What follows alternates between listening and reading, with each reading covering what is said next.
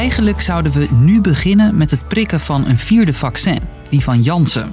Maar de 80.000 prikken liggen in de koelkast en daar blijven ze waarschijnlijk nog wel even liggen. De fabrikant zelf zegt, wacht nou nog even met het inzetten van ons vaccin. Dat vind ik heel verstandig. Nederland wacht met het prikken van Janssen en mensen onder de 60 krijgen ook geen AstraZeneca meer. Allebei vanwege zeldzame bijwerkingen. Dan het AstraZeneca-vaccin. De ernstige vorm van trombose is toch een bijwerking van het middel. En dan zijn er opnieuw vragen rond het coronavaccin van AstraZeneca. En dit vanwege mogelijke gezondheidsrisico's. Over welke bijwerking gaat het nou precies? En waarom is die zo gevaarlijk dat we nu stoppen met prikken? Ik ben Jeroen en ik leg het je uit. Lang verhaal kort. Een podcast van NOS op 3 en 3FM. Opnieuw problemen met een coronavaccin. Ernstige vorm van trombose, toch een bijwerking van het AstraZeneca-vaccin. Er zijn in de VS zes gevallen van trombose na inenting bij vrouwen tussen de 18 en 48 jaar. Als het gaat over de bijwerkingen, komt één woord vaak voorbij: trombose. Bij AstraZeneca is het inmiddels bewezen dat in zeldzame gevallen mensen na een prik hiermee te maken krijgen. Maar wat is trombose eigenlijk precies? Bij trombose krijg je last van bloedstolsels die ervoor zorgen dat een ader verstopt raakt. En die verstopping kan weer zorgen voor ernstigere aandoeningen, zoals een hartinfarct. Trombose is zelfs een van de belangrijkste doodsoorzaken van ons land.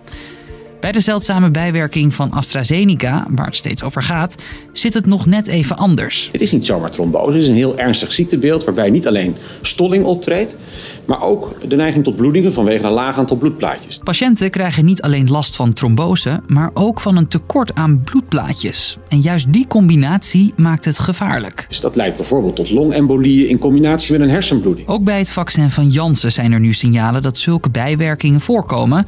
Maar om dat zeker te weten is meer onderzoek nodig en daar is de fabrikant nu mee bezig, zegt deze onderzoeker. Het is zeker zo dat het vaccin van AstraZeneca en dat van Janssen qua ontwerp erg op elkaar lijken. Ja, of dat aan dat ontwerp ligt of niet, is, is denk ik geheel onduidelijk op dit moment. Op het besluit om deels te stoppen met AstraZeneca en het tijdelijk laten liggen van de Janssen-vaccins is ook kritiek. Het Europees Medicijnagentschap zegt prik lekker door, want de voordelen van vaccineren wegen niet op tegen de nadelen. The benefits of the AstraZeneca vaccine overall outweigh the risks of side effects. En ook sommige huisartsen, experts en zorgpersoneel zien om diezelfde reden een prikstop niet zitten. We zitten al maanden in een, in een lockdown waar, waar naar mijn mening de enige uitweg is, is door ons te laten vaccineren. Nou zeg ik niet dat dat moet met onveilige vaccins. Maar we hebben het niet over onveilige vaccins. We hebben het over vaccins waar in een heel zeldzame gevallen een bijwerking ontstaat. Alle verhalen over die zeldzame bijwerkingen zorgen ook voor angst. Bij priklocaties zien ze dat een deel van de mensen niet komt opdagen. En bij degenen die wel komen, zijn er vragen. Dat ik dan Pfizer krijg of zo? Of... Het is AstraZeneca. We hebben alleen AstraZeneca. Oh. Je bent geen 60 min, want daar is het advies om dat niet Ja, te maar doen. waar, ja, waar zit hem dat dan op vast? Waarom 60 min niet en, en, en, en, en ik ben 70 wel? Ja. Maar is de kritiek terecht? Die vraag is lastig om te beantwoorden. Allereerst zijn er bij alle vaccins, dus ook bij Moderna en Pfizer, gevallen van trombose bekend. Al zijn de aantallen bij die vaccins wel een stuk kleiner dan bij AstraZeneca. En zoals deze hoogleraar zegt. Er wordt nu een soort van suggestie gewekt dat vaccins altijd 100% veilig zijn. Maar ja, 100% veilig, dat bestaat eigenlijk niet. Dus waar het uiteindelijk om gaat, is vinden wij het risico acceptabel. En die afweging hebben ze ook in Engeland gemaakt, al is die anders dan bij ons. In Groot-Brittannië krijgen mensen onder de 30 geen AstraZeneca meer. Voor iedereen boven de 30 is de kans om op de IC terecht te komen bij een COVID-infectie is groter dan de kans op die bijwerking. En dat is ook de reden waarom ze in Engeland dus hebben gezegd van ja, wij doen dus alleen de mensen van 30 jaar en jonger niet, want daar is dus net die balans andersom. Vooral bij jonge vrouwen is de kans op de zeldzame bijwerking relatief groot. Bij mensen van 25 is de kans op ernstige bijwerkingen van AstraZeneca volgens Brits onderzoek 11 op 1 miljoen. Bij mensen van 55 is die kans een stuk lager, 4 op een miljoen. Waarom dat zo'n verschil is, weten we niet precies. Om de boel een beetje in perspectief te plaatsen, vergelijken ze bij de BBC die cijfers met de kans dat je omkomt bij een auto-ongeluk. Bij mensen van 25 zou die kans 38 op 1 miljoen zijn.